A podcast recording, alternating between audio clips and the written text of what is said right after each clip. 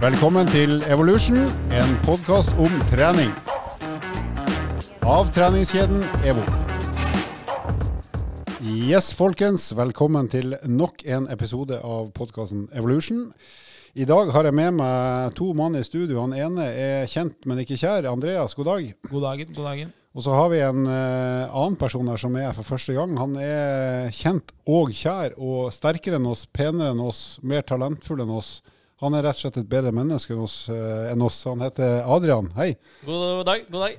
Og for å si mer enn det, han heter Adrian Smiseth Seiersted, så han er en meget god alpinist som vi skal snakke mer om etter hvert. Men først så har vi jo et lite punkt der vi bare prater tøv. Og nå skal vi prate om uh, hva som har skjedd i helga. Andreas, har du noe å melde? Du, hjemme hos meg, eller ikke hjemme hos meg, det stemmer ikke. Fordi uh, samboeren min og ungen bryr seg faktisk nada om det her. Men hjemme hos meg tidligere, uh, da jeg bodde hjemme med en lillebror og en far, så uh, snakka vi om hvordan helgen hadde gått i form av poengfangst. Og Det betyr at hvis du da har ett eller flere favorittlag, så kan du jo få flere poeng samme helg. Så i helga så har jo jeg da hatt en sekspoengshelg. Eller jeg har faktisk hatt en nipoengshelg, hvis jeg skal være pinlig korrekt. Og Det betyr at alle de tre store favorittlagene mine har vunnet. Uh, lag 1, Rosenborg, slo Vålerenga. Det er, uh, det er en real opptur. Rosenborg det er de som har den utrolig karismatiske og kule treneren Kjetil Rekdal? er det? Uh, ja, og de har jo hatt en rekke med karismatiske trenere. For de har også hatt Nils Arne Eggen i ganske mange år. Han var jo karismatisk.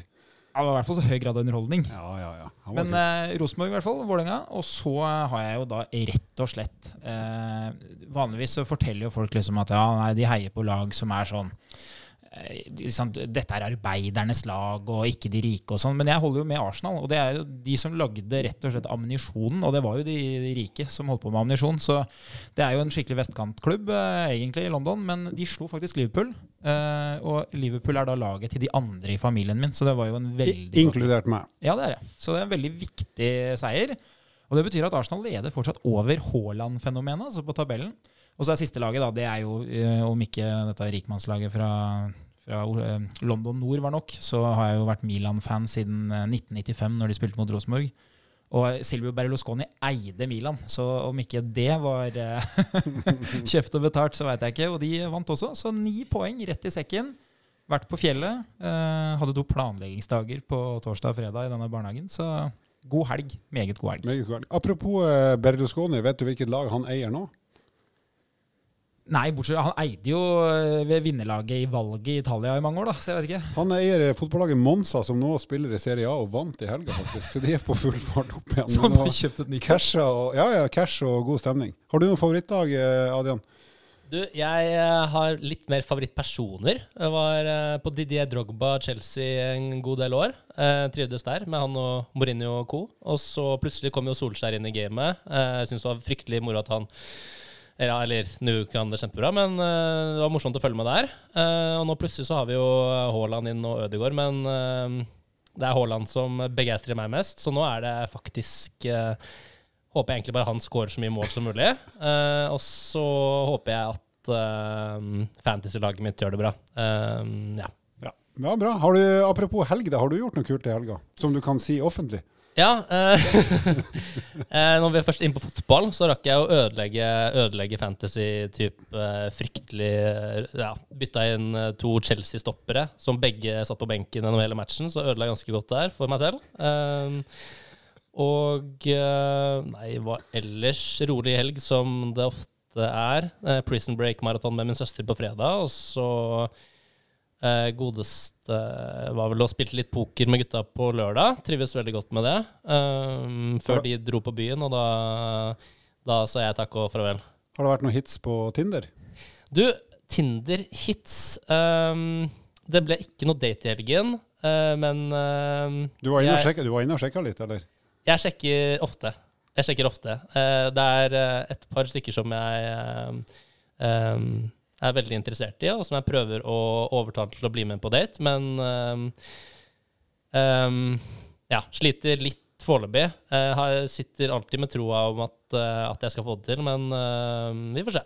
Ja, vi får håpe de blir med. Kom igjen, da! Kom igjen, da! Bli med! Prøv det trikset der. Det, det, Ja. kan, det kan fungere. Jeg prøver ikke å mase for mye. Jeg har gått på den smellen en god del ganger. Eh, Jeg prøver på en måte å ha litt is i magen, og selv om jeg har veldig veldig lyst, eh, så prøver jeg is i magen og være litt eh, laid. Men eh, ja, vi får se. Før sending her prøvde vi å forklare Halvor hva Tinder er. Da, og vi fant ut at det, det er liksom det samme som at du ringte på døra og spurte om nabojenta kunne bli med ut. Bortsett fra at Tinder veldig ofte ender med det som du ikke gjorde med nabojenta som ble med ut. Ja, det som skjedde etter at man var ferdig med å gå ut, og skulle gå inn. Og vente, ut og inn og ut. det måtte vente til du var 25 med i Bodø. 31, faktisk. Så det er pinlig korrekt. Jeg er faktisk eh, Nord-Norges eldste jomfru. Oi! Det, Men jeg har tre unger, da. Men er det, fun jeg, jeg er ikke faren, det vet jeg. De, de ligner ikke på meg i det hele tatt. Heldigvis. Hva er Tinder-navnet ditt, da? Jeg heter Adrian, eh, 28. Det er uh, hovedfaktaopplysninger. nei, så har man jo smelt ut litt bilder og sånn, da. Eh, ikke noe særlig til bio eller tekst av meg selv, annet enn eh, eh, ja. Jeg vil si på generelt grunnlag, eh, gi han en sjanse. Det vil jeg si til alle våre lyttere. Hvis, hvis du blir kontakta, gi han en sjanse. Hva har jeg gjort i helga, folkens? Jo, jeg har hatt en mikroskopisk, men god eh, høstferie med min sønn. Vi dro først til Malmö for å se på ishockey. Malmö Redhawks, der har vi en kjenning som er på eh, U20-laget, så var vi så på match. Og så dro vi videre til mitt favorittland, nemlig Tyskland. Og der hadde vi fått billetter til eh, hjemmekampen Borussia Dortmund mot Bayern München, som er et hinsides oppgjør uansett, for det er smekkfullt. Det var 81 500 tyskere pluss to nordmenn. Det var da meg og min sønn. Eh, og Vi var der to og en halv time før kampstart, og det var smekkfullt i den gule veggen. Altså det er supporterfansen til eh, Dortmund én time og et kvarter før. Da var det helt fullt. Eh, så vi var omgitt av glade, eh, høytropende, sigarettrøykende og øldrikkende tysk tyskere i, i tre og en halv time på Borussia sin stadion. Så det var rett og slett en enorm opplevelse. Og min sønn, som jo da ikke har sett for mye av røyking og drikking så langt, han fikk jo en, eh, en klar innføring i både oppsida og nedsida med de tingene der. Så det, det var rett og slett en stor opplevelse. Så nå blir det Tyskland hver helg, med andre ord. Han han er klar for å dra på eh, bortekamp når som helst. han. Det ble en seig kjøretur hjem. da. Vi kom hjem i går klokka seks etter å ha kjørt fra Dortmund, så det ble litt sånn eh, seigt. Men eh, det var verdt det. Det var da han skjønte at eh, gleden med å fly, den er faktisk stor. Jo, men husk på at vi har jo fått Tesla, og de setene i Tesla er jo ganske behagelige. Ja, stemmer det. Du, ja, vi har jo blitt ufine menn. Ja, vi har blitt ufine menn, og den eh, paden kan jo brukes delvis som å kjøre òg, så han var ganske underholdt i forhold til det han var i min gamle Mitsubishi. Så han var relativt fornøyd, faktisk, på tross av en veldig lang kjøretur. Ok, nå skal vi over til noe helt annet. Vi skal ikke snakke så veldig mye mer om Tinder. Vi skal snakke mer om eh, treningslivet til han som vi har som gjest.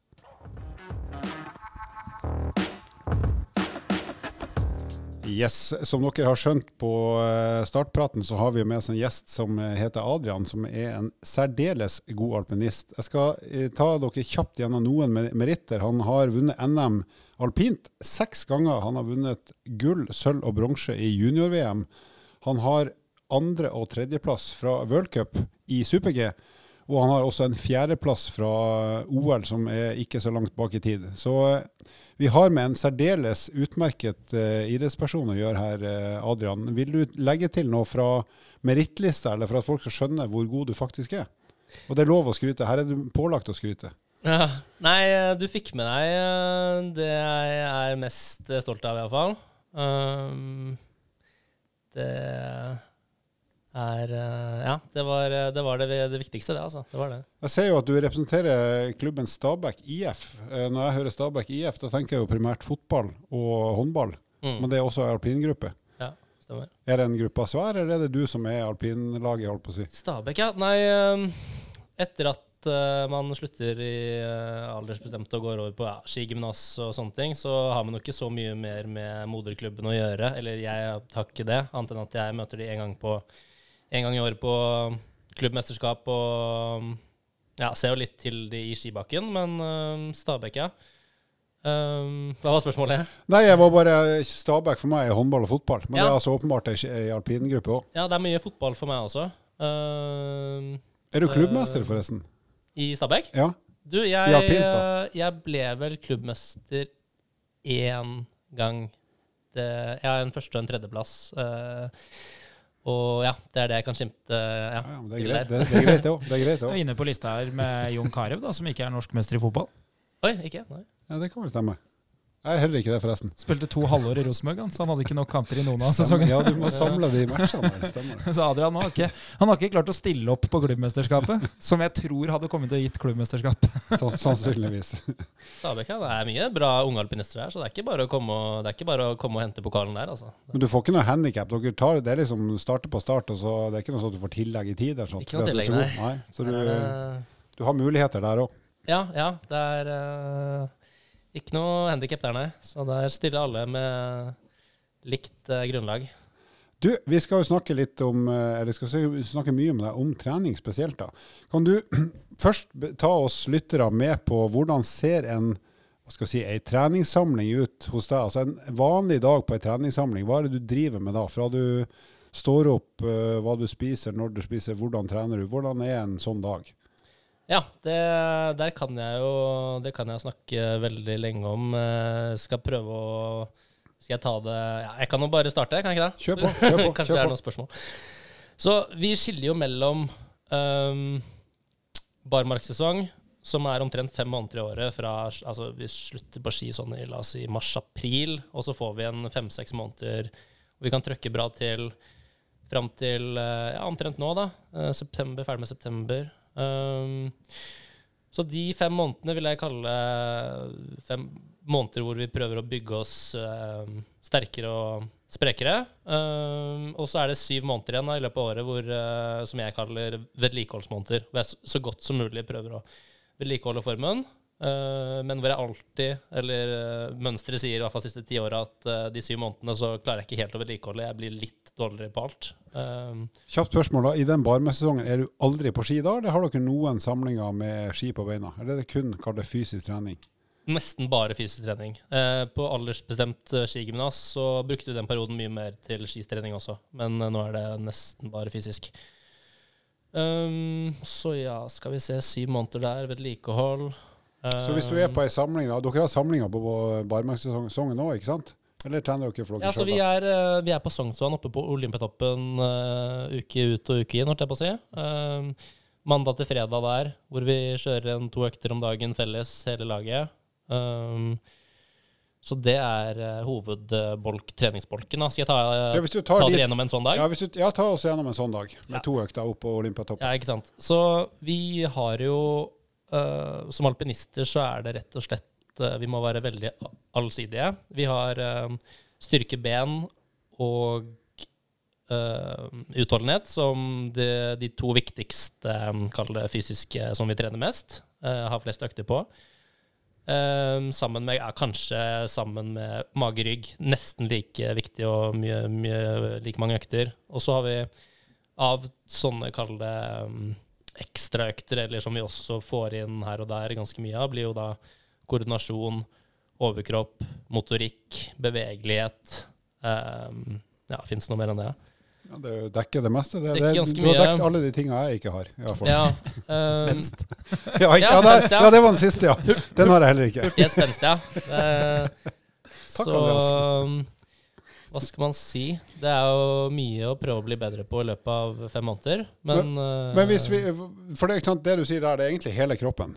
Alt. ja, basically, så- hele kroppen. Og det er jo umulig å bli best på alle de tinga der. Så hvordan kan du og treneren, hvordan vurderer dere, eller hvordan lager dere de treningsoppleggene til sånn at du får med deg så mye som mulig av hver kategori, Mm. når du vet at jeg kan jo ikke optimalisere til alle ting. Så hva, hva blir liksom miksen? Ja. Hva er det f.eks. du velger å bruke mye tid på og kanskje prioritere, og så hvilke ting er du eventuelt da prioriterer litt mindre? Mm.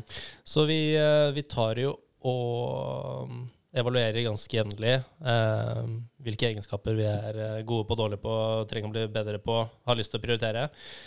Eh, personlig har det vært eh, mest i løpet av de siste åtte årene hatt mye trøbbel med ja, knær og diverse på beina. Eh, benstyrke har vært også oftest den egenskapen jeg har måttet prioritere litt ekstra.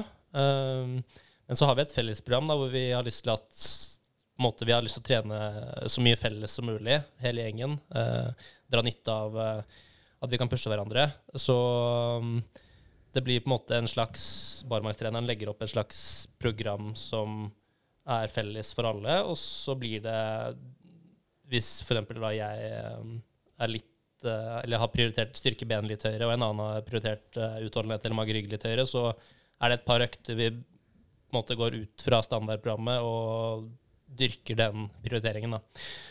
Um, så ja, eh, en vanlig dag kan være da, la oss si Vi pleier å starte som oftest 9.00 oppe på Olympiatoppen første økt. Um, så stor frokost på morgenen. Um, ja, det har også vært et lite Jeg kan snakke ganske mye om det også angående kostholdstype ja, råd jeg har tatt til meg de siste årene. Prøvd å Ja, herregud, det er et kapittel i seg selv. Men uh, starter med en stor frokost på morgenen. Mye karbohydrater, mye, fyller på mye energi. Um, og så starter vi gjerne med den tyngste økten på morgenen. La oss si det er en, en to timers styrkeben. Um, Hvilke øvelser er det dere gjør da, typisk? Knebøy uh, er oftest hovedøvelse, type knebøy, frontbøy, eller en, en type bøyvariant. Um, og hvor um, vi pleier alltid å ha en eksplosiv øvelse også i tillegg, uh, f.eks. frivending. Uh, og vi har alltid med noe hamstring også, f.eks. Nordic, uh, Nordic hamstring. Um, og så Ja, men ja, vi har ofte la oss si, tre benprogram i løpet av sommeren som vi roterer på. da, Mandag, onsdag, fredag. Hvor, ja, mandag, ja, og, og, For å grave litt i detaljene, når du trener bein da, på en sånn tung dag, hvor mange serier og hvor mange repetisjoner løfter du da liksom, på den belastninga du vil ha? Er det tre ganger ti, eller er det fem ganger? Altså, hva, hvor ja, ofte, ofte noe slikt, ja. Eh, ofte at vi starter litt tidligere på året med typ tre-fire ganger ti-tolv typ. Og etter hvert som vi nærmer oss sesong, så er det ofte at vi tar ned repetisjonene litt, måtte nærme oss litt mer maks og fyring og sånne ting. Um, og så, ja, for å gå inn på den mandagsøkta, da, eller mandagsdagen, så ja, ferdig der i 11-tida. Um, lunsj på Olympiatoppen starter alltid klokka 11. Fyller på bra der. Da har dere første bordet. Da er det førstemann til mølla. Jeg husker da jeg jobba i Skøyteforbundet, så var alltid, det var alltid noen alpinister som hadde liksom begynt å forsyne seg først. ja, ja, nei, det er Man kommer, og så er, er man først i køen eller er man sist i køen, så står man i køen, da. Men ja, fyller på en stor, god lunsj der.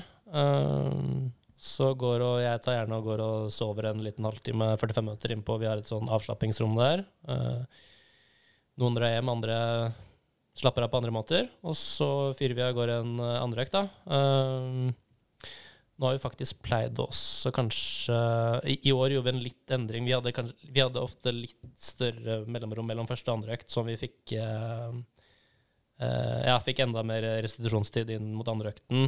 Uh, rakk et måltid til også. Tredje måltid inn før andre økten der. Så ja, kan jo det være ja, hva som helst, da. Andre økt, type en mageryggøkt. Uh, men litt, litt, lettere og ja, litt mer overkroppsfokus? Ikke en sånn typ lang totimersgreie, men uh, kanskje en litt hurtigere type en time, time kvarter, uh, mage-rygg eller overkropp, eller noe koordinasjon, motorikk-greier, da. Um, hvordan trener dere kondisjon, da? For dere må jo være enormt sterke for å tåle alle kreftene ned bakken. Det sier seg sjøl. Men så må dere ha Alle som har stått på ski, selv, selv jeg som er dårlig, skjønner jo at du kan ikke bare trene styrke for å tåle å stå i så høy fart ned det er vel fort opp mot to minutter i lengste konkurransene, ikke det? Så dere må jo ha en ganske bra kondis òg. Så hvordan får dere til det oppi all styrken? Ja, kondis, syre Ja, det er litt vanskelig å vite. Ja, det er um, Syretoleranse er vel det jeg uh, skulle ønske jeg var um, Kall det bedre på. Men uh, nå har, tenker jeg iallfall at uh, på en måte blir jeg sterkere i beina og bedre kondis, så vil også syretoleransen bli litt bedre. Men uh, hva skal man si? Nei, kondis Vi uh, Løper dere eller ja, sykling? Så for en eller? fire-fem år tilbake så var det mest løping på laget. Uh, nå tror jeg nok snittalderen har blitt litt høyere. Vi har i hvert fall valgt å legge det over til litt mer sykling. det er en del av oss som ikke er så fan av løping med tanke på kroppslig velvære. Litt mer skånsom med sykkel. Mm. Det er, jo, det er, jo, en viss humor i det at uh, hvis du står nederst i målområdet i Kvitfjell og ser dem komme kjørende ned, så tenker du sånn det burde jo være mulig å jogge seg en tur, med tanke på de kreftene som påvirker kroppen. Men, men jeg forstår det jo i, i, i treningsøyemed veldig godt at, uh, at, man må jo være smart. ikke sant? Det er ikke noe vits å ta den belastninga som løpinga gir. Og da er det jo, som vi har snakka om mange ganger i podkasten, mulig å trene hjerte og lunger uten at man er nødt til å la knæra få belastning. Og de får jo da som kjent ganske mye belastning både fra aktiviteten, men også fra, fra knebøy og beinstyrke, da, som man må ha, egentlig. Mm. Så når du gjør, hvis du gjør den eh, kondistreninga på sykkel, er det type intervaller da, eller sitter dere bare og trør i 30-40 minutter? Hvordan, hvordan gjør du den kondisdelen? Vi har mye um, Vi har mye fireminuttere, femminuttere sykkeltype. En normal løk kan være Grefsenkollen. At vi eh, Det er et kryss der hvor, eh, hvor vi starter opp bakken. Omtrent fem, ja, ja, fem minutter opp, og så to minutter pause, kanskje. Ja, trille ned igjen, og så Ja, bare trille ned igjen på. også, Ja. egentlig rett på. Jeg foretrekker jo litt lengre pause, kanskje, men eh, det Du kan bremse nedoverbakken, da. Ja, det er det, da. Jeg har sykla der sjøl en del ganger. Kan så rygge. Kan rygge. Frykt, fryktelig kort eh, de to minuttene føles ut. Er jeg på egen hånd, så foretrekker jeg tre eller fire minutter. Da kan du jo sykle litt fortere også. På, så det er vel sine fordeler og ulemper. Men ja. hvor mange har dere av de, da? Altså fire-fem sånne, eller? På ei ja, alt fra fire til seks, syv. Fire til seks, kanskje. Det er ganske bra dose med kondistrening, det må jeg jo si. Ja, det blir jo det. og det er jo klart uh, Eneste fordelen her er jo hvis du blir i bedre form, så får du jo litt uh, kortere sykkeltid, men uh, desto høyere intensitet. da. Så det er jo to regler her. Du må huske å stoppe, så ikke du havner nedpå Aker Brygge. For da blir det jo veldig lang eh, motbakke. Og så Ja. er det jo kanskje å ta det litt pent på de to første. Men kjenner jeg dere rett, så har vel alle fått startnummer, regner jeg med. Så man skal jo mest sannsynlig teste hvem som er best allerede fra første draget.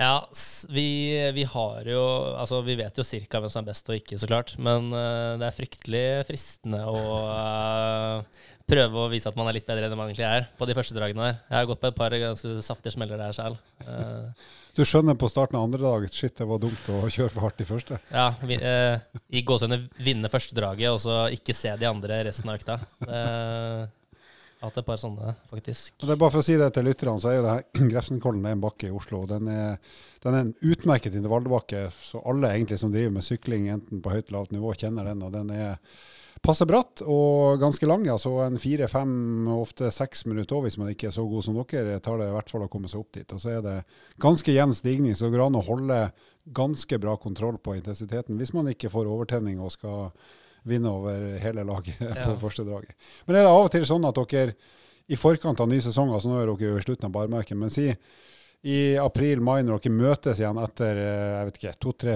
uker fri, er det? Eh, At dere enten at noen har begynt å tjuvtrene litt, eller liksom, ser du at oi, i år er jeg bedre enn den og den og den fordi at jeg har gjort et eller annet på vårparten eller gjennom vinteren som ikke de andre har gjort, eller vet dere liksom hvor dere har hverandre til enhver tid? Ja, Vi vet ganske nøyaktig hvor vi har hverandre. Det er lite man får gjort i løpet av vinteren. Eh, Vi, vi er vel alle på omtrent samme kalde vedlikeholdsprogram også, så Så det er ingen som prøver liksom å trene litt i hemmelighet for å overraske? Ehm, Nei, nå, nå hadde jeg en liten variant i år, da, hvor jeg opprioriterte det fysiske versus ski. Jeg tok og kutta en måned på ski i løpet eller i vårsesongen og brukte den på fysisk trening isteden. Gjorde de fem månedene om til sånn seks-syv isteden. Um, så jeg håper jeg får betalt for det nå til vinteren. Da. Um, det, jeg så på det som min uh, største Eller ja, eh, kall det um, ja, For at jeg skal prestere så godt som mulig, så min største svakhet var nok det fysiske, i hvert fall som jeg selv tolket det som. Uh, og da tenkte jeg ja, hvorfor ikke ta og prioritere det enda litt høyere, Uh, siden det er det jeg er dårligst på. Så ja, jeg er fornøyd uh, med formen nå. Du er i rute. Du har fått betalt for jobben så langt. Mm. Dere har jo noen ganske brutale tester. Eh, Det er jo kanskje ikke det alle kjenner til, men det har jo vært eh, i en del idretter så har man noen sånne tester som skal liksom si noe om nivået, da, og gjerne nivået generelt på hele gruppa. Eh, Mm. Hockey bruker det, alpin bruker det. Er det noen flere som eh, Jeg tror, vel det, jeg tror vel det er de to idrettene som har det største kallet testbatteriet. Jeg vet at Skøyteløperne har jo også mange tester, men, men det er mer sånne skøytespesifikke. Så jeg tror det, Mm. de to idrettene her er de som har de fleste kallet rene fysiske testene for å finne ut av ja, egentlig hvordan det står til med mer eller mindre absolutt alt på menneskekroppen som kan prestere. Ja, vi alpin og ishockey har vel nest, Jeg tror vi har omtrent nøyaktig det samme testbatteriet, faktisk. Ironman. Iron Ja. Kanskje et par forskjeller, men er litt usikker, faktisk. Men eh, ja, jeg kan ta dere gjennom Ta hva gjennom, ta gjennom ja, de, testene, for det er tøft og det er interessant. Ja, jeg syns jo det er ja, veldig interessant sjøl. det er jo um, Ja, vi starter jo med den gode gamle 3000-meteren, da. Det er jo, jeg syns jo den er ganske fryktelig. Uh, ja, 3000 meter hvor man eh, skal løpe så fort som mulig, så Kan vi spørre hva røftlig hva ligger du på? på ja, sånn så jeg har, jeg har, min pers Når jeg var 20 kg mindre, så løp jeg på 10,37. Det er jo pent. Um, det er jo veldig bra. Og min aller dårligste Mitt aller dårligste har vært på 11,58, så jeg har alltid på en måte holdt meg under 12 der. Uh, mens uh, akkurat nå så er jeg på 11 11.35 hadde jeg nå uh, siste test. Det, det, må vi si er rett og slett ganske bra. For du er jo ikke Du ser ikke ut som en kenyansk maratonløper. Det, det, skal du jo ikke. Ja, nei Ja, jeg Hva skal man si? snittet på gruppa ligger nok nærmere 11 lav. Uh, mens vi har et par råtasser, f.eks. Eh, Sebastian Foss Solevåg er alltid han som er raskest. Han har vært ned mot 10-10, uh, nesten under der. Um, og Henrik Kristoffersen i sin tid, når han også var og løp sammen med oss. Nå løper han ikke sammen med oss lenger. Um, oppe av laget der. Um, men ja, også Timon Haugan er vel en klassisk nummer to. Og så kommer feltet på 11 lav. Um, og så, ja, vi uh, fartsgutta, fartsgutta, vi som ser ut for Super-G, litt ja, 11.30 pluss, gjerne. Mm. Ja, min, minus kanskje Alexander Kilde. Han holdt seg vel alltid under 11 blank den tiden han løp. Nå har han, eller Siden siste korsbåndskade så har han vært litt mer på sykkeltest. Og etter, etter, den nydelige starten på dagen, 3000 meter, hva er det dere skal i gang med da etterpå? Ja, så da tar vi og tusle bort til en liten hurtighetstest som vi kaller heksagon. Heksagontest. Heks, det er vel uh, seks, sekskant-typ. Så det er mm. seks um, Ja, jeg kan se for deg en sekskant med uh, hinder som du skal hoppe over, med ulik høyde på disse hindrene. så er det da to runder rundt, da, så det blir vel tolv hopp som du skal Hver retning, da. Så på en måte først tolv hopp, og så du har tre sjanser, eller hvis du river, så får du tre sjanser. Hvis du ikke river, så er det to sjanser. Og så ja, begge veier. Den tar ca. ni sekunder hver vei, da. Så 18 sekunder omtrent totalt. Um, ja, hva skal man si der? Uh, Lucas Bråten, Atle Lee McGrath uh, er vel de som uh, skiller seg Ja, De, de kjappeste og mest spenstige de som får lov å herje der? Ja, så det er ofte, ja, tendensen er jo at de som er raskest i slalåm, også er raskest der, da. Uh, slalåm, som er det, den disiplinen med kortest avstand mellom portene. Uh, raskest bevegelsesmønster. Så jeg prøver å komme på Ja, det er vel Atle og Lukas som herjer mest der. Jeg er veldig spent på om det kommer noen øvelser her, Alvor, som favoriserer deg. For foreløpig så er 3000 for kort og over-under-test. Det veit jeg. Ja, altså, jeg. jeg. vet jo svaret at 3000 meter, hvis jeg, hvis jeg måtte være med på en dag, så tror jeg jeg hadde løpt det jeg kunne på 3000 meter, så hadde jeg nok meldt meg sjøl skada etterpå, så jeg slapp å dumme meg ut på resten. Hvis du steller deg ved siden av de eh, hindrene som er i heksagon, så det ser plutselig veldig lavt ut når du skal ned på bakken der og krabbe under. Det jeg, som sagt, jeg er skada før det må skje. Men eh, etter hvert nå så er det en del styrkeøvelser òg, ikke ja så, da, ja, så da går vi rett over på knebøy, maks. Uh, For en vi... fin dag, da. Ja, nydelig. Ja. altså, jeg må bare si, Det å springe 3000 meter, og så skal du etterpå begynne å dunke løs på de beina, sånn det er jo en ting at det er slitsomt fysisk, men det er vel ganske tøft mentalt òg, når du står opp den dagen og vet at i dag blir det brutalt. Ja, nei, altså Personlig så er det 30-meteren som, uh, som jeg har mareritt for, eller ja, som jeg virkelig tenker at blir tøff. Og den siste eh, kassa opp. Men uh, altså de styrketestene, det er på en måte, det føler jeg går så fort og gærlig. Du må jo trøkke til, men hva, hva, er, spør, hva, hva, har du i knebøy maks, og hva er det de andre ligger på sånn cirka? Ja, Så, så knebøy, den det er jeg, jeg er dårligst på laget i knebøy. Jeg er 170 kilo. Uh, det er ikke så aller verst allikevel, da, må jeg si. Vi er jo i studio veldig imponert. Det, ja, må, takk, vi jo, det må vi jo si. Uh, så jeg har jobbet uh, noe fryktelig og fælt med den, men slitt også fryktelig og fælt med å få den noe, så mye høyere. Uh, kan jo alltid komme med sånne fine unnskyldninger med noen kneskader og sånne ting. Men ja, jobber godt med den. Eh, 170 var da pers fra i år, så fornøyd med å få den opp på persnivå. Fem kilo her og fem kilo der, så det blir jo mer det. Eh, og så har vi da hva skal man si, gutta jevnt opp til eh, da Henrik Røa og Alexander Kilde, som er de som eh, som drar feltet der, med Kilde på 220 kg og Henrik Røa 215. Um, men ja, hvor det skal sies at Alexander er vel den eneste jeg har sett noen gang, tror jeg, som aldri har feila et løft. De fleste pleier å, Ja.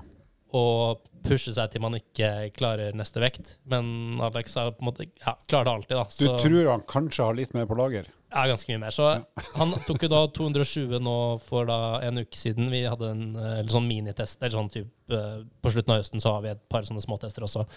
Så han hadde 220 da på den eh, testen. Um, over alpinlandslagets rekord er faktisk Lars Elton Myhre 225 fra ja, en 10-12-13-15 år tilbake. Eh, men Alexander Ser jeg på tempoet han har på den 220-reppen, så er, tenker jeg 230-240 er mer um, um, Det er mulig. Sannsynligvis. På, ja, jeg kan ikke se for meg at han hadde feila der heller, uh, ut ifra tempo og på en måte uh, hvor solid det 220-løftet var. da. Så skal jeg tippe mitt beste, så vil jeg si at han er god for 240. da. på knekkebrød og eh, et norgesmesterskap i styrkeløft, så er jo det her det er jo medaljer, dette her. Ja, det, altså, det, alle som har løfta knebøy, skjønner at det her er imponerende. Og de fleste lytterne har et forhold til det. Så det er jo, sant? For de fleste så er det en barriere å nå 100 kg. Og mange kommer ikke dit engang. Jeg har faktisk det sjøl. Klart det sjøl for lenge siden, men det skjer ikke lenger. Men, eh, så det er noen som begynner å løfte 170 kg og 200 kg, sånn, da er det det er mye trening som ligger bak. Det er ikke bare flaks og genetikk. Eh, Så det er imponerende tall. Og så, Men hva, ja. og så er det jo etter 3000 meter òg. ja, ikke minst. Det er etter 3000 meter. Men eh, det skal vel løftes mer enn bare bøy? Ja, så har vi en, en submax knebøytest også, som betyr Eller sånn ifølge treningslæreboka så er det vel 75% av maksløftet ditt, men hvor vi har pleid å kjøre 1,5 ganger kroppsvekt. Eh, så ja, jeg er på 90 pluss 92 kilo, ofte da måtte løfte omtrent 140 kilo, da. Men med de nye, med de nye vekt, nye regler fra i år, så har vi gått ned til 75% av maksen, så jeg er på 170 da måtte løfte 127,5 eh, ja, så mange ganger jeg klarte, da. Um, Det, Premie å få. det høres så litt slitsomt ut. ja, jo da, men uh, så godeste, hva skal man si, uh, 175% ja. Så da, da ligger jo gutta ganske jevnt, da. Da ligger alle mellom 15 og 20 reps, faktisk. Jeg tror faktisk alle la seg mellom 15 og 20 reps nå på forrige test, da. Det var 75 da, og da én repetisjon maks. Og det er bare for å si det, det er jo hvis vi snakker generelt treningsleir, så vil, vil de fleste av oss uh, som er i sånn hyfsat god form, klare sånn 10, kanskje 12 reps av 75% av vår maks. Så igjen, det viser jo at dere er sterkere enn de fleste av oss, både i forhold til å tåle melkesyre og, og tøffere i hodet og muskulært. Så dere er liksom laga for å gjøre større ting enn de fleste av oss. Ok, Det var jeg ikke klar over. Så det er en Så det er rett og slett ganske bra. Og så kan jeg jo si det at hvis jeg hadde vært med på en sånn test, og i, hvis det var i gamle dager, så hadde du kroppsvekt ganger 1,5, var det du sa? Ja. Så var det, da hadde jeg klart null. Okay. Men derimot 75 av maks. Det skal jeg klare mer enn det skal jeg klare fire. Ja, når jeg skal sies at når jeg kom inn på alpinlandslaget, så hadde jeg også null der. Men tenk, tenk deg det, jeg står her ved siden av dere, og så kjører jeg på 75% i maks 45 kilo. Kanskje 50. Trist. Ja ja, ta oss videre. Ta oss videre. Ja, så da er det Da syns jeg det begynner å bli litt mer morsomt. Da. Så da er vi over på benkpress neste. Ehm, der er Hva skal man si eh, Der er også maksløft, ikke sant? Um, sånn Ja, så eh, kun ett et maksløft benkpress. Uh, så der ligger eh, nivået fra uh, lurer på om alle er over 100 nå, så la oss si fra 100 til 140, da. Hvor uh, uh, Ja, der er jeg litt nærmere toppen, så jeg er på, har vært på 130 der eh, over eh, ja, ganske mange år. Eh, mens Alex var best på 142 42,5 hadde han der.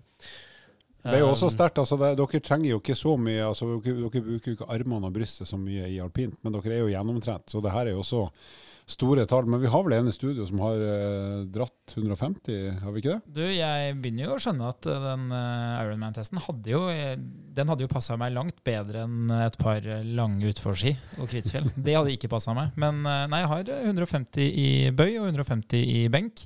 Så jeg, men submaksen i, eh, i bøy er jo skammelig, så jeg er ikke i nærheten av å kjøre 20 løft på 75% av 150. Det klarer jeg ikke. Og så 3000 hadde jo passa meg meg gunstig. Men det skal jo sies at de persene jeg har satt, er jo ikke da med å først kjøre 3000, så kjøre eh, bøy, submax-bøy, og så benke. Det er jo benk på julaften, eh, ferdig uthvilt med grøt. Og da har du trent målretta bare benk, benk, benk i et par måneder først? Ja, så det, Den ene, gangen i hvert fall. ja, så det eneste jeg kunne ha tatt med meg akkurat i den perioden, er jo at uh, jeg kjører jo bøy og mark i samme periode. Så mest sannsynlig? Hvis man ser på når er eh, rekorden i bøy satt, så er jo den satt samtidig som benk. Så de to er jo ganske like, men uh, løpsgreiene, det, det, opphører jo etter uh, oppstart av styrketrening. hva, du, hva, hadde du på 3000 igjen? Uh, nei, nå som en kenyansk utgave, så har jeg 9,47, tror jeg. Jeg har, ikke, jeg, har ikke, fått lov å løfte med noen andre, jeg, men jeg er ganske sikker på at i et felt så skal du ned mot 9,35 i hvert fall eh, på en god dag. Jeg har 9,27 fra befalsskoleopptak. Ja, men det er, egentlig, er, lenge siden. Det er det jeg skal få has på, egentlig. da, ja. For det irriterer det, klar, det klarer du jo. Det klarer du jo. Ja, Er det enda mer eh, faenskap på gang, holdt på å si, eller er dere ferdige etter benken? Ja, Det er mye kos igjen. altså Nå er det opp på chins. Um, der um, der vil jeg si også nivået var ganske jevnt høyt. Vi hadde um, Der tar dere så mange dere klarer, ikke sant? Med ja, bare strict chins. Um, ja, hva skal man si? Ja, så der uh, lå nivået på sånn fra la oss si 17-18 opp til 26. Har det ligget de siste årene. Det er også sterkt. Altså, husk på det her er jo utøvere som ikke er De skal ikke være lettest mulig. De skal bære på mye muskelmasse, så det å dra opp kroppen så mange ganger, det er, det er også veldig gode resultat. Ja, akkurat den virker egentlig ganske bra for å være alpinister. Men uh, hva skal man si, så det var kosetestene. Uh, ja, pluss én kos til. da, det er Hengende situps. Det er e, min eneste, hva skal man kalle det, uh, hvor jeg kan briljere litt og være no, nummer én. Så det, det er, den der brutalbenken ja. der du henger rett ned med hodet? ikke sant? Og ja, brutalbenk. Ja. Hvor du, ja, det er vel beste beskrivelse, at du henger og blir da, med en slags feste på knærne, og så henger du ned og skal ta en situps. hvis jeg, i hvert fall har sett en del sånne actionfilmer der du har en eller annen skurk eller en snill person som blir dratt ut av et vindu, og så er det 100 meter ned til bakken, og så står eh, enten skurken eller politimannen og holder deg i anklene så du ikke skal ramle ned. Så har du bøyd knærne liksom over vinduskarmen. Og det, den øvelsen du snakker om nå, der skal du egentlig prøve å ta situps fra den posisjonen og komme deg opp flest mulig ganger. Ja. Det er ganske slitsomt. Ja, den øh, Det er øh Føles egentlig ganske greit, eller plutselig stivner det helt. Hvor mange tar du? Der har jeg, um, der har jeg vært fryktelig jevnt, men la oss si de siste åtte årene så har jeg alltid på en måte ligget mellom 33 og 36. Ja, det er sterkt. Kommer liksom aldri liksom opp til Jeg lurer på om rekorden er på 38, da, alpinlandslaget. Uh, jeg lurer på om det er Einar Vegsundsvåg han heter. Så aldri kommet meg helt opp dit, men uh, close. Um, det, er, det, er, veldig godt gjort. Det er også en øvelse de færreste har gjort. Men alle skjønner at det er seigt. Jeg har faktisk gjort det. Uh, Skøytelandslaget brukte den litt. Så jeg har testa meg. Jeg har klart 25 på mitt beste. Ja, Vi hadde på videregående, faktisk. Så, så var det en del av testbatteriet som vi uh, gjorde. Sikkert plukka ut fra at en eller annen lærer hadde kjennskap til det. Jeg tror ikke jeg har mer enn sånn 17 eller 18. Ja. Og, og, det er akkurat som Adrian sier her, da, at uh, på 8-9 så tenker du ja, kanskje jeg skal ta 100, da. Og så på nummer 15 så tenker du kanskje ikke jeg skal ta noen flere i det hele tatt. Mm. Så det stivner jo ganske brutalt. Vi er, ja, vi er en som eh, han eh, Hva skal man kalle det? Um, vår gode gamle Robbie Reed, som driver med forskning på alpinlandslaget. Han har også vært barmarkstrener, og veldig streng spesielt på den, da, hvor uh, det er ganske mye å si om man da tar situpsen hvor man skal ha hendene bak hodet, Uh, og albuene skal da treffe helt øverst på kne, øverst på kne da. Mm. Og hvis du da tar det litt lenger ned på låret, så merker du at det er ganske mye enklere. Men uh, Robbie mm, Ja. Han har samme sveis som meg, forresten. Han kjenner deg fra idrettshøyskolen. Ja. yes, da er du ferdig med det du liker. Er det enda mer på programmet da? Ja, så da er det siste, da. Gode gamle kasseopptesten. Um, den er jo nest nesten opp og nikker på 3000 sånn i, I hatforhold. I, I, hatforhold, men eh, det er jo bare 90 sekunder, så jeg tenker at nei, det er jo bedre. 90 sekunder er bedre enn eh, ja, 12, så 12 min. Um, Hvor høy er den kassa? Da skal dere hoppe opp og ned på den så mange ganger som mulig? Godt spørsmål, og jeg husker aldri i centimeter, men jeg lurer på om det er et sted mellom 45 og 55. Jeg er litt usikker på nøyaktig der. Men uh, du må hoppe litt, iallfall, for å komme over. Så det er ja, kort og godt. Starter opp på kassa, og så starter klokka når du lander på gulvet. Og så er det bare å hoppe opp og ned i 90 sekunder, så mange du klarer. Uh, og annenhver side, ikke sant? Ja. Så hoppe med samla ben, uh, på en måte sidelengs, da. Ikke ja, sidelengs hopp. Hvor uh, det er uh, Den er ganske alpinspesifikk. Fryktelig alpinspesifikk. Ja, det, der må også si at der, bare for å komme over i det hele tatt, så må du ha en viss spenst. Det var derfor Andreas tulla med meg i stad. For jeg, er ikke sikker på om jeg hadde kommet med over. Faktisk. Nei, det tror jeg. Du hadde, du hadde kommet Jeg over. måtte ha bøyd knærne fælt. Ja, Klatra opp med gitara. men du må, ja, du må, du må trykke til litt, da. Så, men den er eh, der, der tror jeg vi er ganske gode. Det passer perfekt for det vi driver med. Eh, 90 sekunder da syre opp og ned. Um, Altså det er den, kanskje den testen som ligner mest på en konkurranse, ja. på sitt vis, Mm. egentlig. Ja. Så der er det vel um, Så på alpinlandslaget så har Henrik Kristoffersen rekorden der. 100 og jeg husker ikke om det er 116 eller 117 opp på 90 sekunder.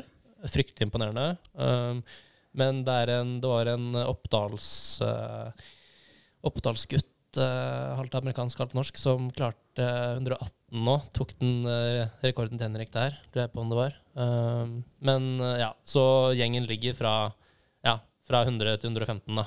Det, Jeg kjenner, kjenner faktisk jeg, jeg, jeg kjenner han som hadde rekorden for uh, skøyter. Altså når uh, de som driver med hockey, da.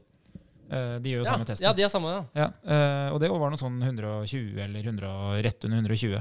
Eh, og etter at han la opp, så fant jo han ut at han syntes jo det er gøy å ha det dritt. Så han har gått et skiløp som heter Nordenskjoldløpet, tror jeg.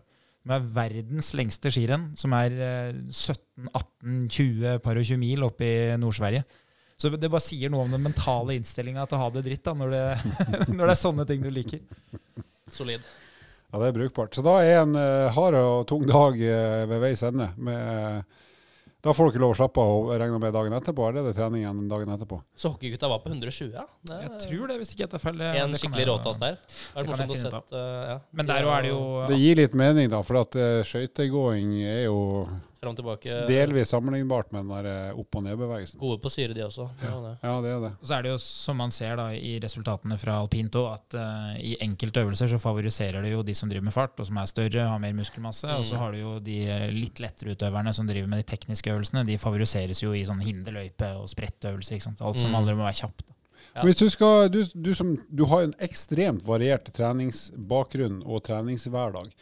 Hvis du skulle sagt noen eh, tips Du er jo ganske god i alpint, som de fleste nå har skjønt. Hva, hva, hvis du tenker den jevne lytter som er i sånn høvelig god form, og som sikkert står på ski om vinteren, hva slags øvelser ville du sagt var smart å legge tid på for en vanlig lytter som har det gøy i bakken, og som, men som kanskje kunne tenkt seg å bli enda litt bedre, eller få litt mer kontroll eller litt mer trøkk i svingene? Mm. Hva, det, hva tror du de fleste av oss ville hatt godt av og prioritert sånn, i hvert fall én gang i uka, kanskje to? Oi, ok. Så for al alpint Ja, For å rett og slett ha det kult i alpinbakken. Litt kulere enn i fjor, da, for å si det sånn. Ja, øhm, jeg tror um, Trekke fram et par øvelser, så går jeg for uh, Jeg må gå for klassikerne. Um, Det er ingenting gærent i det. knebøy, løping, situps. Ja. Uh, eller ja, magerygg, da. Men Mm. øhm, det, hvis du blir bedre på de tre øh, og gjør det i hvert fall av knebøyen er vel det eneste du må passe på, da. At du er flink i å ja, stramme opp rygg, og at, den, øh, at du har kontroll på det. Mm. Uh, de tre, Hvis du blir bedre på de tre, burde, burde du ha gode forutsetninger for å bli bedre på ski også. Ja, da bør du rett og slett kunne kjenne det i bakken når du skal på igjen. Og det, Mm. det høres jo fornuftig ut i forhold til det vi kaller arbeidskrav i alpint, og det at de fleste har ganske mye å gå på, både på styrke og mage-rygg-kontroll, og ikke minst kondis.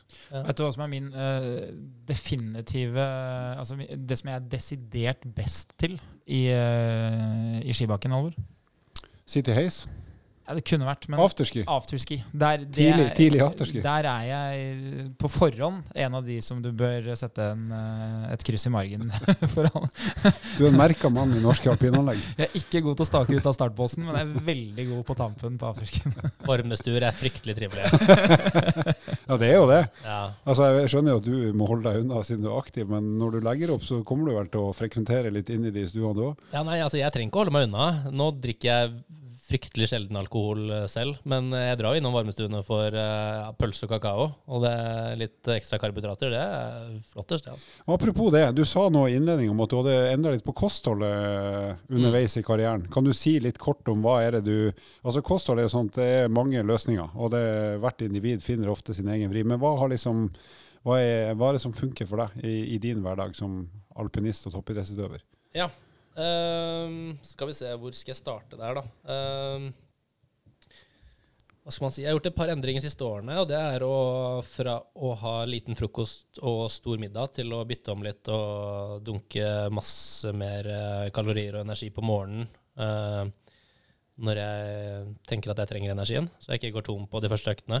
Uh, og heller litt mindre middag.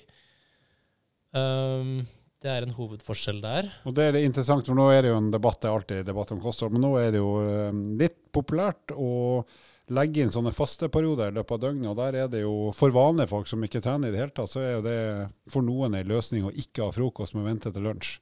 Men det blir jo helt omvendt for deg, for du, sant, du har beskrevet den økta dere har klokka ni, den er ganske tøff, Mm. så du kan ikke stille der eh, uten næring. Det, da blir jo prestasjonen din sannsynligvis ganske dårlig. Ja, nei, så Vi har da to økter da før klokka 15-16, og jeg vil veldig gjerne ha tre store måltider, måltider før eh, jeg er ferdig med den andre økten. Um, for um, ja, jeg mistenker at det er den energien jeg spiser på morgen og lunsj, jeg faktisk får mest nytte av eh, i løpet av de to øktene, da, og ikke den jeg spiser eh, kvelden før. Og lunsj for deg, det er jo det de fleste vil kalle middag. Det er varmmat på toppidrettssenteret Ja. med rett og slett det du måtte ønske og trenge av Mm. eh, både kjøtt og fisk og pasta, potet og de tingene der. Ja. Og så har du et, enda et, har du en middag-middag òg, eller? Ja, um, hva skal man si etter, tredje, nei, etter, etter andre økten lite, lite mellommåltid, og så middag, og så prøver å få den eh, ganske variert og fin.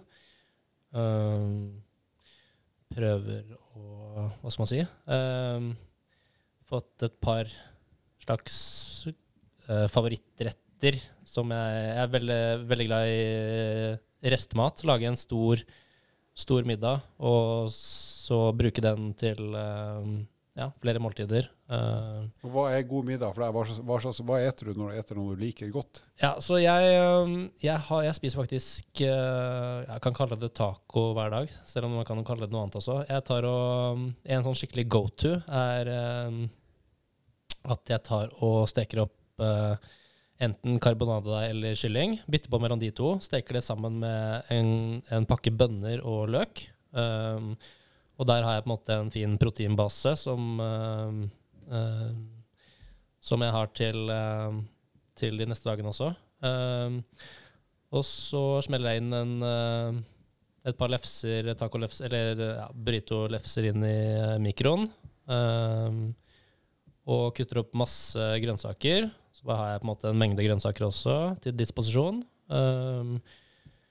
Bruker jeg kesam eller magerkesam um, istedenfor uh, rømmeost, faktisk. Jeg har tatt og på en måte prøvd å finne et par uh, litt linere Ja, løsninger. litt, litt magrere Magrere løsninger, ja. Ja, mm. Uh, og ja, da er vi vel på det meste, da. det, det høres ut som noe både jeg og Andreas kunne likt godt. Ja, definitivt. Det er jo kanskje fordelen med å drive med idretter som krever mye jobb og mye energi, da, at man kan få lov å spise litt òg. Du, jeg, jeg, har, jeg, har, jeg har jo sagt til noen at jeg skal møte deg i dag, så eh, jeg har lova å stille spørsmål til deg som alpinist. Eh, Ja, og det er rett og slett eh, hva, slags, hva er dine favoritt, eller hva er dine beste øvelser for å trene rumpe og lår? Og da, Åpenbart er det ingen som spør meg om det, for jeg har verken rumpe eller lår. Morsomt. Men siden de visste at jeg skulle treffe deg, så ba de meg spørre hva du tror er best. For å, Mm. og det her er da ikke i utgangspunktet å bli best mulig alpinist, men rett og slett få litt muskelmasse på, på lår og rumpe. Mm. Hva funker, tror du? Um, skal vi se Det um, um, Hvor skal jeg starte der? For alt dere driver med er jo Um, stort sett opp og ned i bakken, altså for å både skape fart og, og komme i Ja. svinger. Uh, rumpe, ja. Rett på rumpa. um, Jeg spør ikke Andreas heller, for han har heller ikke noe særlig med rumpe. Vi har ikke troverdighet. mm. Nei, altså av um, Hva skal man kalle det? Uh, benøvelser jeg um, um, OK, skal vi se, tenke litt. For knebøy er jo åpenbart en variant. Har Ja, dere, har dere andre øvelser ja. dere gjør som måte, dere vet at det her eh, skaper trøkk i hofta? da? Eller Ja. Nei, altså Markløft også er jo en kjedelig klassiker også. Um, fryktelig bra øvelse. Uh, masse forskjellige muskelgrupper. Um, Kjører dere da, uh, Når kjører markløft eksempel kjører helt vanlig markløft med, med samla bein, eller breie bein og arma imellom, eller hvordan, hva velger dere egentlig, som skal ha mye vi velger nesten, ja, vi velger, vi, eh, eh, velger nesten bare den stansen vi har, vi har i alpin, typ skulderbredde og armene utenfor, da, eh, utenfor knærne. Um, selv om det er fristende å prøve seg med, med noe ja, sumo og sånn også. Uh, du kan jo fint det. Det er jo bare bra å variere litt. Men uh, nei, hva skal man si? Uh, knebøy. Jeg ville anbefalt kanskje gå litt ned på kilo, og så tatt og gjort det med veldig bra kontroll og sakte ned og sakte opp. Typ full kontroll der og litt sånn syreaktig. Mm. At du på en måte føler at det begynner å brenne etter hvert, istedenfor å på en måte lasse på masse kilo. og Um, ja, litt halvveis på formen, og så er det kanskje ryggen som uh, får mest trøkk. Um, men nei, en klassisk uh, booty builder er, uh, liker jeg også fint. Den gode ja. gamle du ser på Ja. Vi har det, vi. Vi har Ja. det på alle EVO og sånt. Ja, ikke sant? Um, den er fin, den.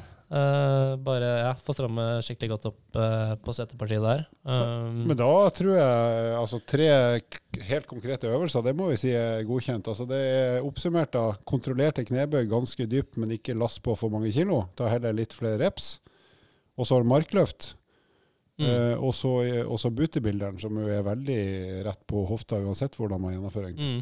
Jeg liker veldig godt også, men det kan jo, kan jo kanskje være Det er kanskje mest hamstring, da. Men jeg, jeg, jeg føler den treffer ganske bra på rumpa også. Den hvor du ligger på eh, Jeg vet ikke hva den heter, men du ligger på magen, og så har du eh, Og så på en måte tar du da bena og Rundt ei sånn pute bak, opp, Ja, en- opp ankelen, tenker du? Ja, hvor du har da den puten på ankelen, og Mm. så tar du deg type leg curl, da. ja, ja, riktig. Ja. Hvor jeg syns det treffer eh, fryktelig bra på bakside lår. Eh, det, ja, den liker jeg, Den, den liker er jeg veldig fin, godt. den er fin for baksida lår. Den, Ja. den går jo rett på hele hamstring, altså Ja. alt, alt som er på baksida der. Så hamstring der, ja. Og ja, kan, kan legge på en til da, som jeg føler går på hele baksiden. Altså fra da baksidelår, bakside rumpe og rygg. er jo En jeg liker veldig godt, er da den du, eh, den du står uh, diagonalt. Uh, uh, I et slags sånn stativ. Du står di diagonalt og bare bøyer ryggen opp og ned. Ja. Eh, Ja, riktig. Rygghev, eh, Ja, ja. Ja, en ja, klassisk rygghev-variant som du får hele baksida. da, Både lår, rumpe og rygg. Og det er et godt poeng, for mange tenker at de trener bak korsryggen der, men de gjør jo ikke det. De trener jo sete og bakside lår Ja. også, og for så vidt nesten leggene òg. Hvis du har den puta litt lavt på hofta, så får du et veldig godt utslag i hofta, som gjør at du må jo virkelig bruke baksida av låra. Mm. eh, og setemuskelen må jo brukes for å rette ut hofta, og så får du jo da hele ryggen da, som skal holde igjen overkroppen. Så en Ja det, ja, det kan man jo teste ut litt, eh, hvor høyt man har den puten, er, som du sier. Det eh, ja, tar jo ja, veldig forskjellig, eh, men alt på fryktelig bra på baksiden. Så jeg vil faktisk si de to jeg, kanskje. Den rygghev hvor du uh, va varierer da litt fra uten vekt og sånn veldig sakte opp og ned, og til å få på litt vekt. Det syns jeg tar helt baksiden. Mm. Uh, Pluss uh, da den uh, leg-curlen hvor du ligger på magen. Sykt bra. Eh, og ja, kombinere det med noe kontrollerte knebøy. Da begynner vi å snakke. Da snakker buti. vi ro, buti, booty.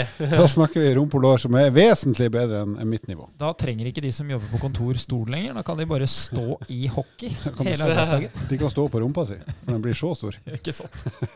Ja, men Bra, eh, Adrian. Da eh, vet jeg at lytterne har fått et godt innblikk i hvordan det er å være toppidrettsutøver. De har også fått en del konkrete tips på hva de sjøl kan gjøre med treninga. Og så er det jo, for oss som liker trening, så er det jo gøy å høre hva de som er gode til noe, faktisk gjør. Vi sier jo bare at du suser ned fjellsida på skjermen og tenker at ja, ja. Men det er ganske mye jobb som skal gjøres, som ikke er bare å stå på ski for å få det der til å gå så fort og se så bra ut som, som dere får til. Vi må jo avslutte med å spørre, hva er målene eller ambisjonene, ønskene dine sånn for neste sesong? Mm. Hva er det du håper å oppnå? Ja, så jeg, jeg har jo da en andreplass i World Cup og er veldig keen på å forbedre den og få min første World Cup-seier. Gjerne et par. Jeg tar så mange som mulig. Og så øh, Den tipper jeg mest sannsynlig kommer i super-G. Og så er det utfor nå hvor jeg øh, ligger litt eh, etter med rankingen om å virkelig steppe opp. Jeg er 35 der nå og håper å være en topp 10-løper eh, i løpet av sesongen. Det hadde vært digg. Fått rankingen inn der. Gjerne en liten pallplass også. Men få min første seier er eh, hovedmål. Uh, ja, så er det litt VM også, hvor jeg ikke Jeg sier ikke nei takk til en medalje der heller. Nei, for I VM og mesterskap er det en medalje som er liksom Ja, Det det, er det er egentlig ingenting. kun med, ja, det, er det, det er det som gjelder. Um, så Ja, og nå er Ja. Uh, ja. Sånn er det ikke for deg, Andreas. Du er jo fornøyd med 23.-plass i maraton. Du, jeg eh, samler på plasseringer, generelt. Eh, og det er bare én ting jeg samler på mer enn plasseringer, og det er tid. Men det samler man ikke på i eh, alpint, har jeg skjønt. Det er ikke noe sånn eh, du, Jeg har 1,24, jeg, ikke et spill. Hva har du? For det året etter, når det var klin kiss, så slo de deg med ti sekunder, ikke sant? Så Ja, nei. nei, men vi er faktisk litt inne der også. Jeg syns det er litt moro å se på sånn tidligere kall det i gåsehudene rekorder også, selv om uh, løypen er litt annerledes hvert år. Litt, ja. Men uh, for eksempel hvis du har en uh, under 2,30 i vengen, da er det sånn ok, da, ja, da har du kjørt fort. Det er ikke verst. Det er, det er lang løype av 2,30 i hockey. Det er ikke for Det går ikke. Men en ting jeg alltid har lurt litt på, er hvilket forhold har du til fart sjøl? Veit du liksom hva, hva er den høyeste hastigheten som du har blitt målt i, f.eks.? Er det noe man bryr seg om, eller? Ikke i bil, men på ski, da. Ja, eller om, omtrent. Vi, vi har, eh, eller ja, jeg personlig vært over 150 et par ganger. Eh, I konkurranse da. eh, et par treningsløyper også. Men uh, hvor da i gåsehudene rekorden Det var sånn 2017 i Wengen, så kom en franskmann opp i 162. Det er foreløpig høyeste målt i en løype, da. Jeg har vært over 150 et par ganger, jeg òg, men det må du ikke si til mutter'n, for det var sabben til mamma og pappa. Ja, så jeg sa at jeg var i Dortmund i helga, og det er jo sant. Og da testa vi å kjøre i 165, og det gjorde jeg i 20 sekunder. For det er så fort at eh, jeg vet at det går bra, men jeg har liksom ikke noe behov for å Mm. kjøre noe fortere enn det med bil, altså. Nei, og med, med elbil så er det jo kanskje ikke Altså, Men jeg, jeg vant en skiltspurt, en skiltspurt med Teslaen inne i Dortmund sentrum. Det var litt kult, for da sto jeg ved siden av en BMW. Og da freser jeg på eh, gasspedalen så sønnen min skvatt eh, fra forsetet til baksetet. Så det var litt moro. Men bare apropos hockey, jeg må bare nevne det. Det er, det er ikke så hakkende dårlig øvelse, det, det, det heller. Altså. Eh, Det er ganske ofte at jeg er i treningsrommet og faktisk eh, øver litt på det. Bare eh, for å få litt eh, type Enten som oppvarming eh, til en eh, treningsøkt, eh, hvor jeg bare står hockey, og så går jeg opp og ned eh, med beina, eller med knærne. Typ. Eh, men også som en treningsøkt, for jeg tar også gjerne ofte og legger på en liten vekt oppe på, på ryggen. Og så rett og slett bare eh, Først la oss si for eksempel 30 sekunder statisk, hvor jeg bare står i en eh, dyp hockey. og så 30 sekunder hvor jeg på en måte jobber litt dynamisk, og så gjøre det et par minutter. da. Eh, fryktelig eh, bra type. Da får du eh, ja, veldig bra stimuli ja, i beina, liksom. Typ ja. låra. Du Eh, får vel et snev av melkesyre etter hvert òg. ja, den kommer, den. Å svi- litt. Den kommer. Så jeg kan ta prøve. Det er uh... jeg tror ikke et par minutter trengs for meg. Nei, jeg er nok redd jeg også trenger 23 sekunder, tenker jeg. Og så tror jeg jeg kjenner at uh, hvorfor skal jeg gjøre det her så mye lenger? Men det er jo veldig effektivt for å få kontakt med muskulaturen. Da. Så det er jo egentlig en veldig smart ting. Akkurat som å gjøre øvelsene litt sakte, så får man jo Det er mye lettere for hjernen da, å finne igjen muskulaturen som skal brukes, hvis man øver på den måten. Og så er skaderisikoen liten. Mm. For det er tross alt ikke så høy belastning, selv om det er slitsomt. Da eh, skal vi si som de sier på stadion til eh, Borussia Dortmund etter match. Auf Wiedersehen. Vil du vite mer om trening? Abonner på podkasten og sjekk ut vårt treningsmagasin på evo.no.